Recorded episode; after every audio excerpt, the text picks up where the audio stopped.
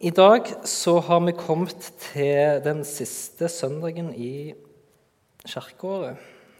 Domssøndagen. Det er en søndag som er ei tid for refleksjon over det vi har hørt i løpet av det siste året. Ehm, en søndag til ettertanke. Vi skal begynne med å lese dagens preiketekst, som er henta fra Johannes kapittel 9, vers 39-41. Da sa Jesus.: Til dom er jeg kommet til denne verden, så de som ikke ser, skal bli seende, og de som ser, skal bli blinde. Noen av fariseerne som sto der, hørte dette og sa til ham Kanskje vi òg er blinde? Jesus svarte, Var dere blinde, hadde dere ingen synd. Men nå sier dere, vi ser. Derfor blir deres synd stående. Jeg ber litt først. Kjære far, takk for eh, en ny søndag. Takk for at vi kan få lov til å samles her. Jeg ber om at eh, du må være med nå i talen. Det er det du har lagt meg å dele. Jeg ber om at du må tale til hver en som sitter her, gjennom ditt ord. Amen.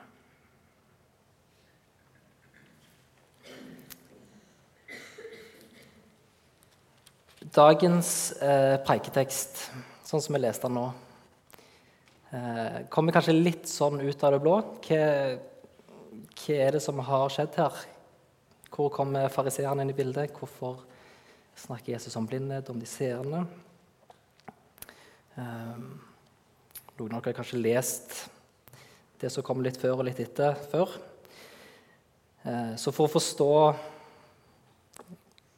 forstå den teksten, hvor han kommer inn i bildet, så kan en lese hele kapittel 9. Det skal vi ikke gjøre nå, men hvis du gjør det når du kommer hjem, så vil du få lese historien om en blindfødt mann som blir helbreda av Jesus på sabbaten.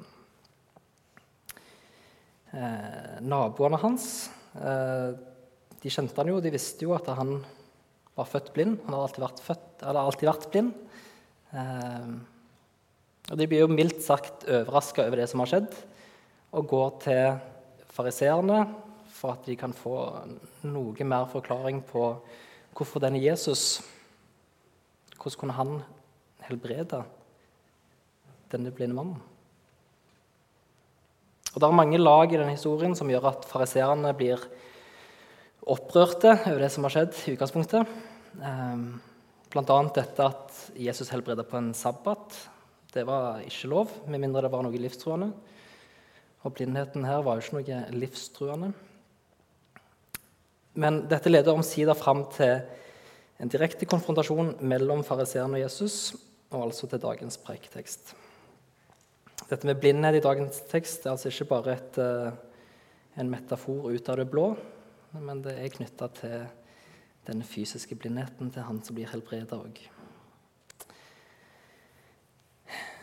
Til dom er jeg kommet til denne verden, så de som ikke ser, skal bli seende, og de som ser, skal bli blinde, begynner Jesus med.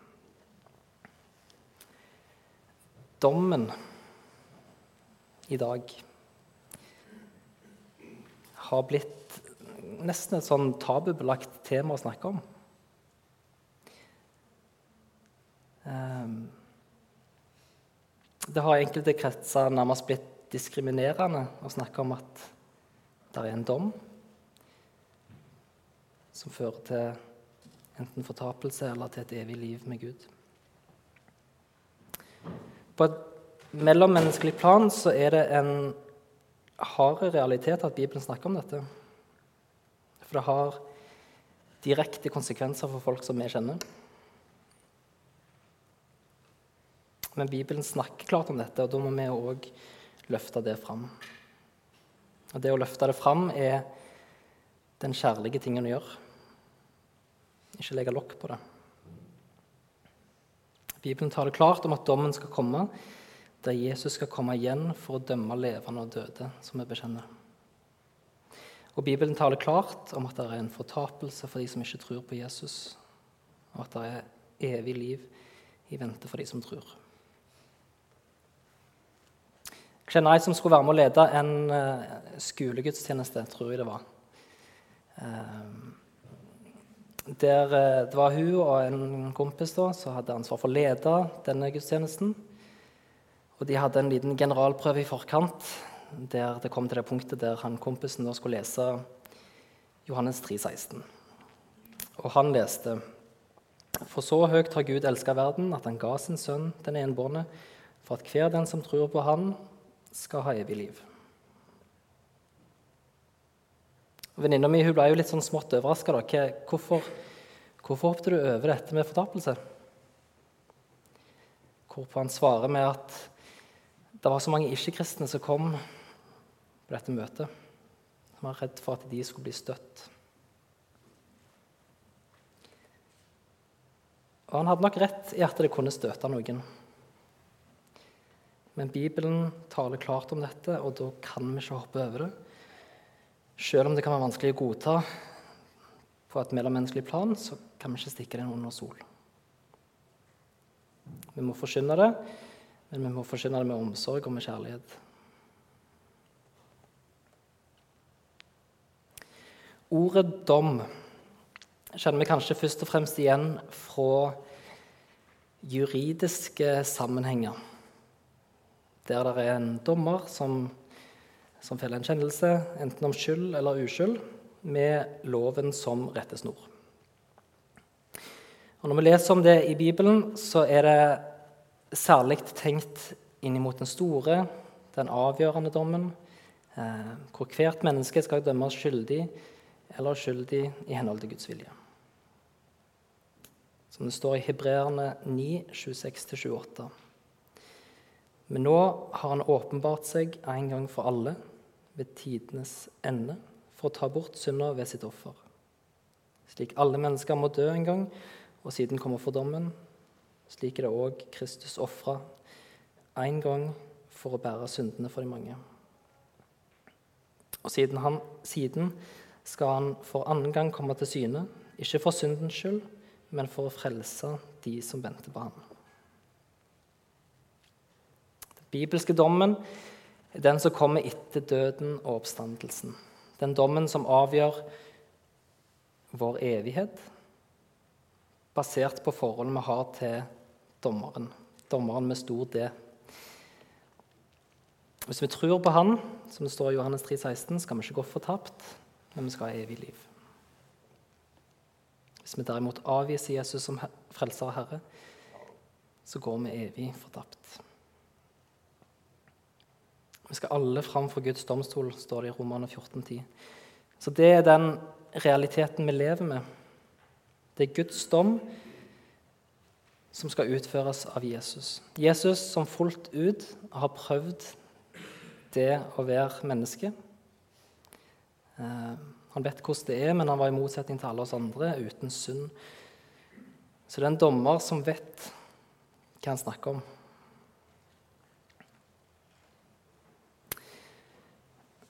Jeg syns det er kjekt av og til å lese litt på ungdoms- og religionssosiologi. Anbefales til alle. Eh, og En nyere bok som ble publisert for eh, to år siden, så var det hun forskeren da, som kom fram til at den beste måten å beskrive gudsbildet til unge i dag, det er på Gud som en koselig majestet. Et begrep som gjør at jeg intuitivt tenker på kong Harald.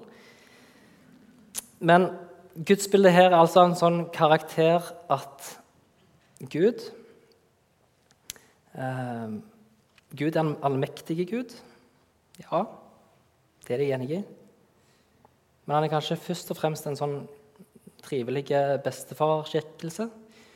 Eh, som er hyggelige, som bare har kjærlighet å gi, og som på ingen måte er dømmende. Ja, Gud er kjærlige.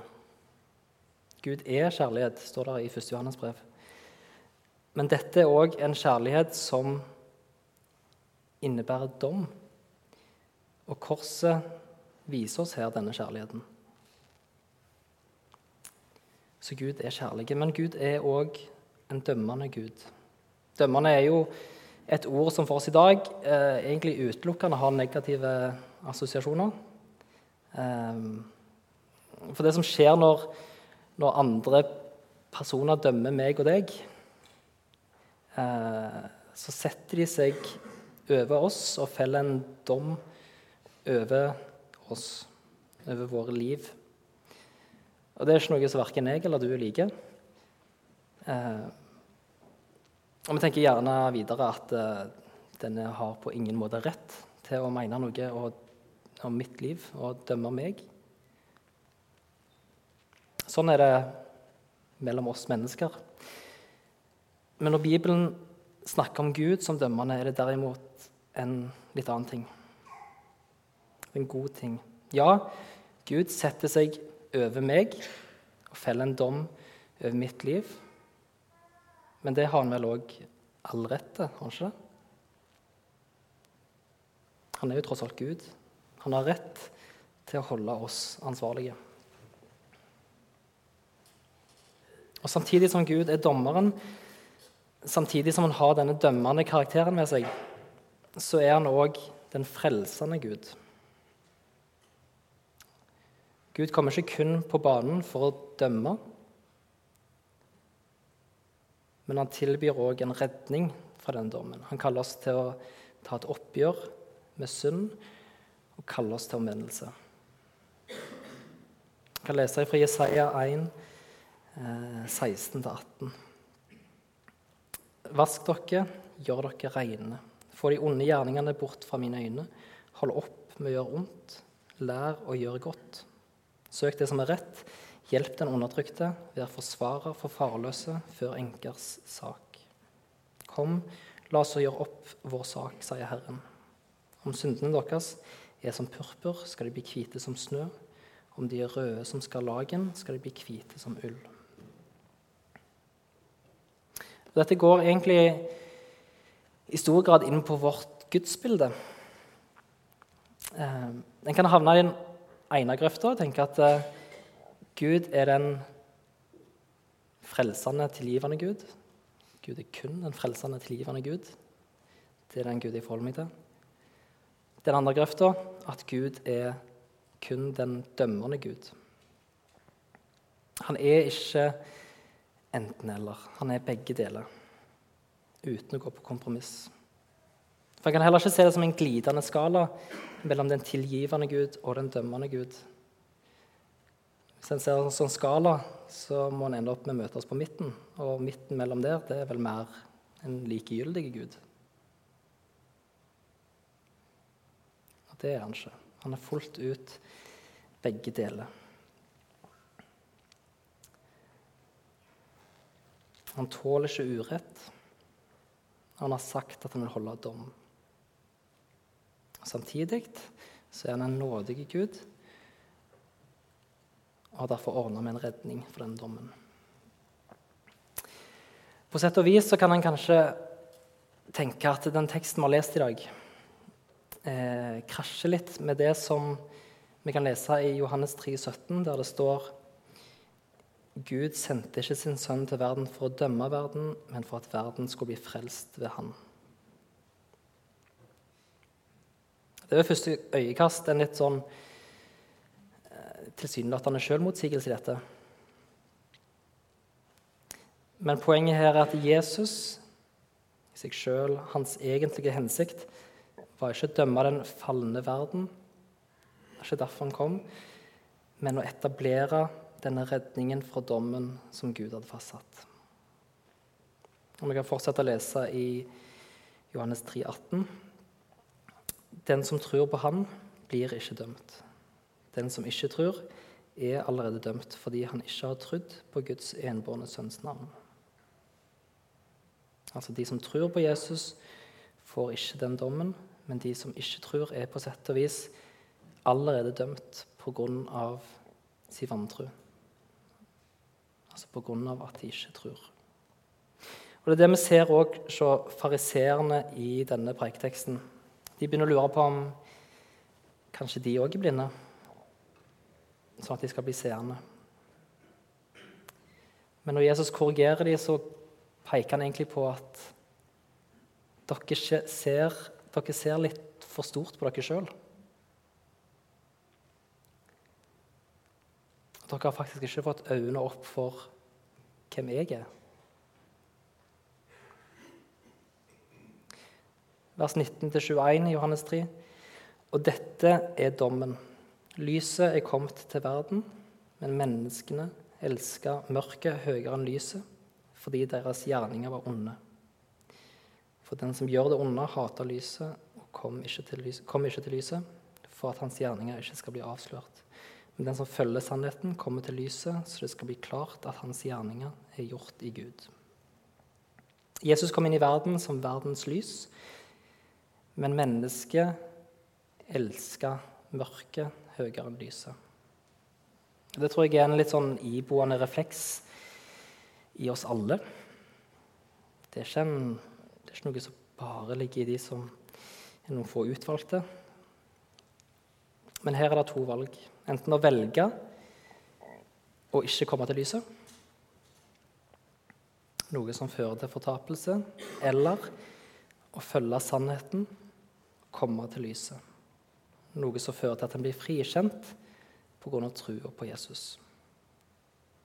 Jeg syns disse versene i Johannes 3 eh, forklarer godt det vi leser i slutten av Johannes 9 om at de som ikke ser, skal bli seende, og de som ser, skal bli blinde. Det som jeg også synes var litt spennende med denne historien om den blinde mannen, var måten vi fikk uh, fylle hans personlige utvikling gjennom teksten. Nå har vi ikke lest den teksten sammen, men uh, det starter selvsagt med at denne mannen er fullstendig blind. Rent fysisk, men òg åndelig. Når Jesus helbreder han, så smører han noe leire og spytt på øynene og ber han gå og vaske seg i Siloadammen, som for øvrig betyr 'utsendt'. Det er ikke tilfeldig navn, det, men det er et vitnesbyrd om denne mannen som nettopp hadde helbredet han. Så på dette tidspunktet har jo ikke den blinde mannen naturlig nok, han har ikke sett Jesus rent fysisk. Og når han blir spurt av naboene når han kommer tilbake om hva som har skjedd, så sier han det var en som hette Jesus, som gjorde det.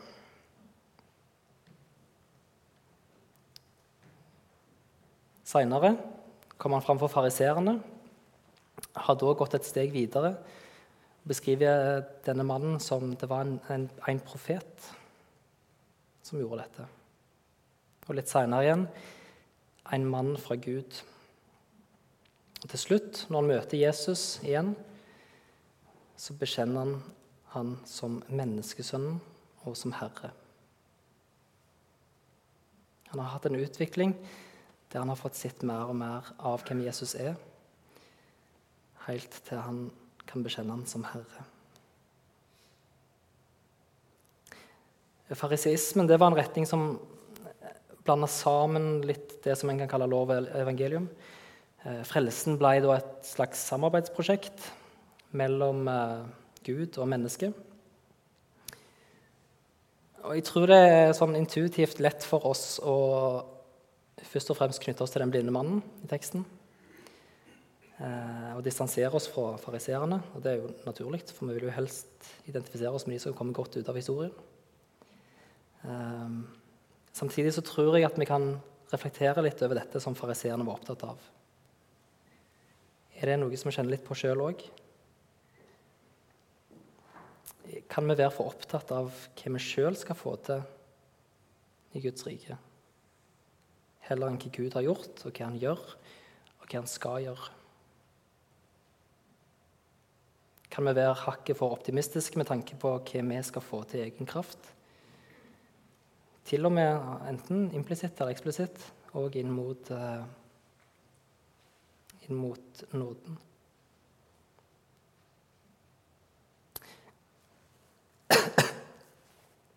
Fariseerne her de tror, de tror, at de ser bedre enn det de gjør.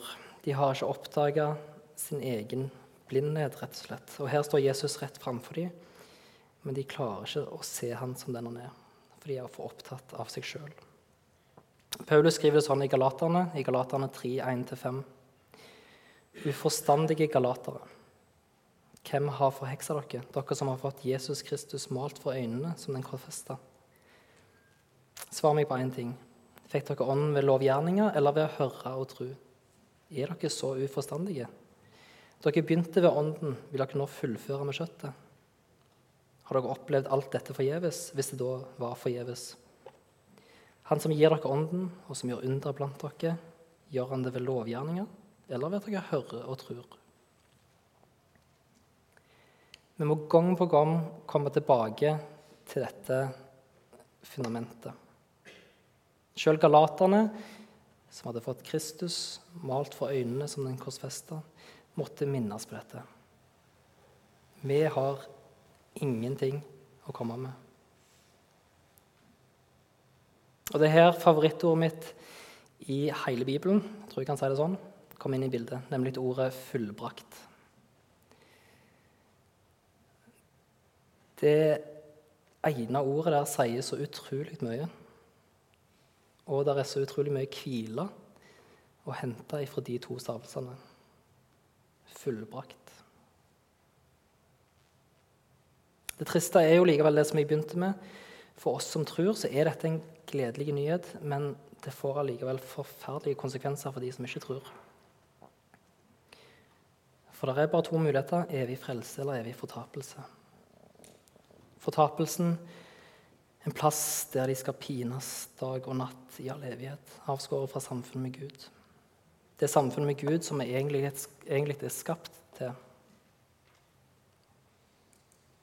2. Tessalonika-brev 1,9.: Straffen deres blir en evig fortapelse borte fra Herrens ansikt og fra Hans herlighet og makt.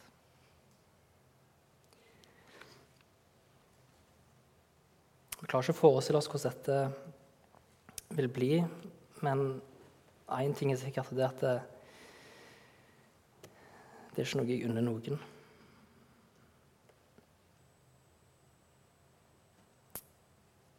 Korset viser oss Guds kjærlighet, men korset viser oss òg alvoret av synda.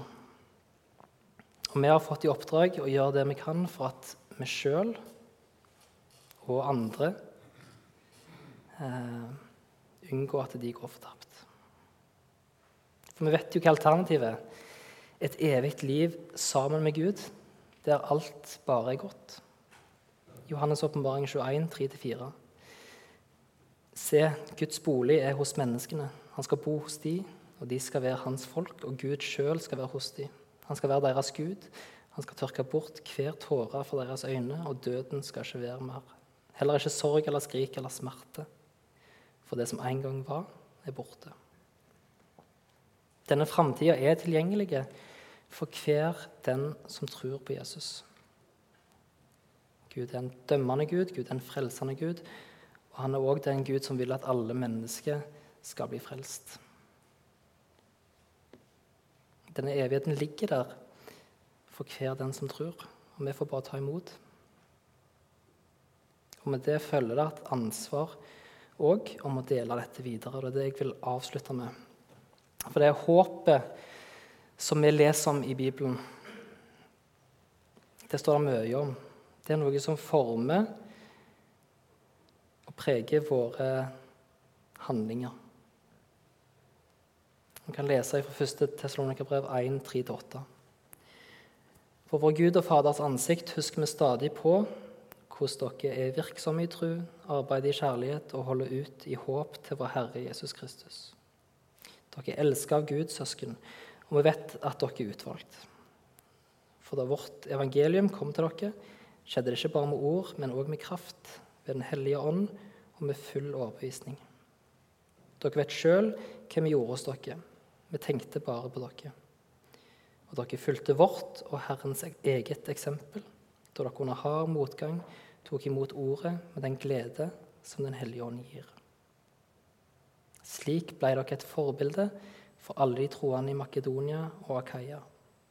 For fra dere har Herrens ord fått lyde vidt utover, ikke bare i Makedonia og Akaya, men alle steder har de hørt om deres tro på Gud. så vi ikke behøver å si noe. I Kolossene 1, 4-6. For vi har fått høre om deres tro på Kristus Jesus og om kjærligheten dere har til alle de hellige på grunn av håpet som venter dere i himmelen.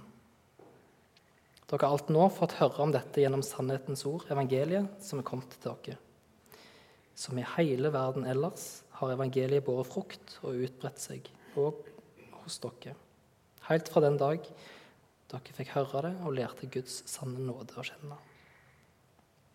Håpet knytta til Jesus, til nåden, håpet knytta til dommen, til evigheten, til redningen. Det er noe som trigger et behov for å dele dette videre med andre. Misjon er ikke noe som har et geografisk utgangspunkt, f.eks. fra Vesten til alle andre. Jeg tror det er bare ca. 50% av alle yrkesmisjonærer som kommer fra Vesten. Og Misjon er heller ikke noe som har rot i en organisasjon, eller som har rot i en yrkesutdanning. Misjon har utgangspunkt i en som har lært Jesus å kjenne, og som vil dele det videre med andre.